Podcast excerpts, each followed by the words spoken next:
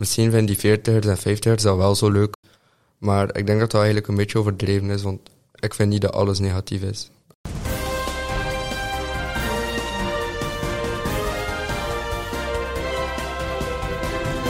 Hallo, welkom bij deze podcast genaamd de Mediabubbel van Gen Z. Ik ben Julie Scholaert, student communicatie aan HOWEST. Uit het Digital News Report 2022 van het Reuters Institute for the Study of Journalism blijkt dat het nieuws een negatieve invloed heeft op het humeur van Gen Z. Ik sprak in het kader van het Tetra-onderzoek Nieuw Lab met Rachel, student journalistiek aan HOWEST. Aangezien hij bij Gen Z hoort, vroegen we of zijn humeur soms daalde wanneer hij naar het nieuws keek. Dag Achille. hallo. Wat is nieuws precies voor jou? Nieuws voor mij is dingen uh, dat belangrijk zijn voor de maatschappij. Dat hangt af van persoon tot persoon. Dat hangt af van je interesses en zo. Nieuws is voor mij ook dingen dat recent gebeurd zijn, dus de actualiteit van de dag. En dat dan vooral belangrijk is voor de maatschappij. Economisch nieuws of politiek of ja, de oorlog of zo in Oekraïne. Dat is belangrijk voor iedereen. Dus dat, dat vind ik nieuws. En bijvoorbeeld zo roddels over beroemdheden of entertainmentnieuws, vind je dat geen nieuws dan? Dat is ook wel nieuws, maar een ander soort nieuws. Oké. Dat zou ik dan niet echt bij hard nieuws plaatsen, maar zo bij uh, zachte actualiteit. Dat zie je dan zo meer in de roddelblaadjes of zo. Dat is niet echt nieuws dat mij persoonlijk interesseert, maar ja, dat hangt van persoon tot persoon af. Denk je dat iedereen, dus ook 40ers en 50ers, hetzelfde antwoord zouden geven op die vraag?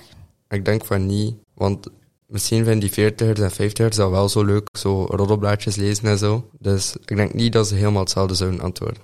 Oké. Welk nieuws volg je het meeste en waarom? Vooral het algemeen nieuws zo over de maatschappij, politiek, economie, maar dan vooral ook uh, sport. Cultuurnieuws volg ik minder, omdat ik het uh, minder interessant vind, maar sport en zo over de maatschappij volg ik het meest, want dan vind ik het interessant. En dan waar volg je het nieuws? Het nieuws, ja, volg ik vooral uh, wanneer ik naar het journaal kijk. Ook heb ik de VRT-app, dus daar volg ik het nieuws ook. En ook um, via Instagram of TikTok, daar komt er ook nieuws op. Maar vooral het journaal, daar kijk ik bijna elke dag naar. En dus bijna elke dag. En moet je wel jezelf dat doen of word je door iemand, eh, moet je dat van iemand doen? Eigenlijk een beetje van beide, omdat we zo elke week een uh, hebben binnen de richting. Dus zijn we eigenlijk wel een beetje verplicht om naar het nieuws te kijken. Maar eigenlijk is het de bedoeling dat je dat gewoon van jezelf doet eigenlijk. Alleen dat dat geen verplichting is. En je vindt dat niet erg om vanzelf te doen? Je vindt het wel interessant om daar Nee, naar te kijken? Ik vind het niet erg. Ik vind het wel leuk om, om te volgen en zo, want dat is eigenlijk wel belangrijk om mee te zijn met de actualiteit. En het nieuws, het journaal dan s'avonds, vind je dat interessanter dan bijvoorbeeld de artikels op sociale media? Ja, dat vind ik wel. Ik kan dat makkelijker volgen, zeg maar. Zo met eh, beeld en ook met eh, statistieken en zo erbij. En ook met een reporter ter plaatse en zo. Ze kunnen daar veel uitgebreider op ingaan. Lezen vind ik ook minder leuk om te doen. Dus ik kijk liever naar het nieuws. Uit het artikel van het Digital News Report van 2022 blijkt wel dat de jongeren veel liever het nieuws lezen dan kijken. Dus dit is bij jou niet het geval dan? Nee, bij mij is dat niet het geval eigenlijk.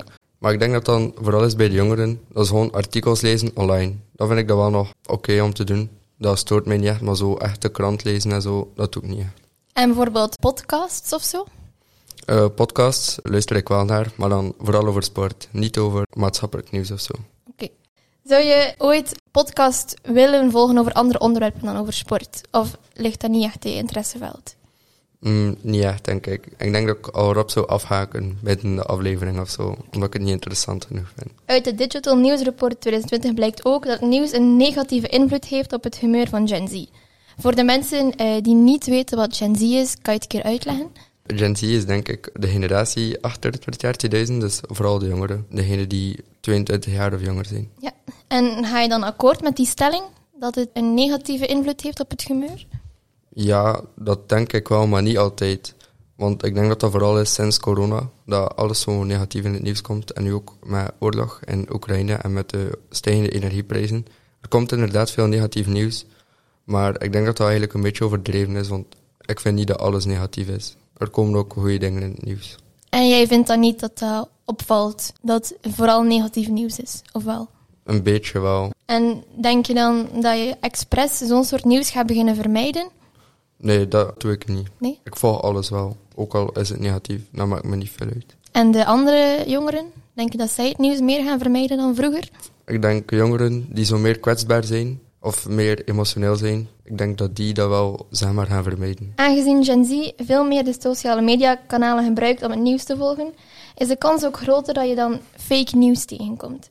Maar wat is fake news dan precies eigenlijk? Fake news is zo nieuws dat op social media wordt gebracht, dat eigenlijk niet echt is, om jongeren bang te maken of iets wijs te maken of zo. Of gewoon om likes of zo te krijgen. En kom jij dat persoonlijk veel tegen op sociale media? Niet echt, denk ik, want ik volg vooral de dingen op sociale media die zo echt betrouwbaar zijn. Like de VRT-app en Nieuws, Nieuws, Nieuws en het Nieuwsblad en zo. Ik denk niet dat er daar veel fake nieuws in komt.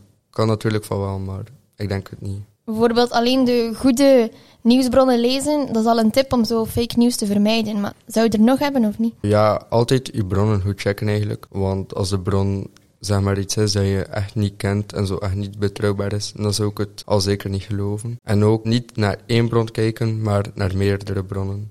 Dus als je fake nieuws ziet en je zoekt dat op op internet en je ziet het nergens anders staan, dan is het waarschijnlijk fake ook. Denk je dat je dan kritischer naar het nieuws kijkt als je weet dat er veel meer fake nieuws verspreid wordt? Ja, dan kijk ik eh, zeker veel kritischer naar het nieuws. En ik denk anderen ook, want die letten daar zeker voor op dan. En op welk sociale media, tussen haakjes dan, kanaal, denk jij dat er het meeste fake nieuws verspreid wordt? Mm, ik denk Twitter dan. Twitter? Ja, daar komt er veel nieuws op. En ik denk ook vooral fake nieuws, zo fake video's en zo, dat dat op Twitter wordt gepost. In het algemeen is het imago van Gen Z niet al te positief. Men zegt dat ze lui zouden zijn, telefoonverslaafd, niet weten wat ze willen in het leven en dankzij de gemakken van alle afhaalservices kunnen ze niet eens meer een fatsoenlijke maaltijd koken. Wat vind je hiervan dat mensen dat denken? Ik snap de mensen wel dat ze dat zouden kunnen denken, dat Gen Z lui is en veel op hun telefoon zit, want dat is bij sommigen ook echt zo, maar ik denk niet dat je dat mag veralgemenen, want er zijn echt ook nog heel veel jongeren die niet lui zijn en ook, ook normaal kunnen doen, like de ouderen vroeger. Ja, dus u vindt dat ze het gewoon niet te veel mogen veralgemenen? Ja, inderdaad. Oké, ehm, bedankt Achille voor deel te nemen aan deze podcast. We hebben nu een duidelijker beeld van hoe Gen Z omgaat en denkt over het nieuws.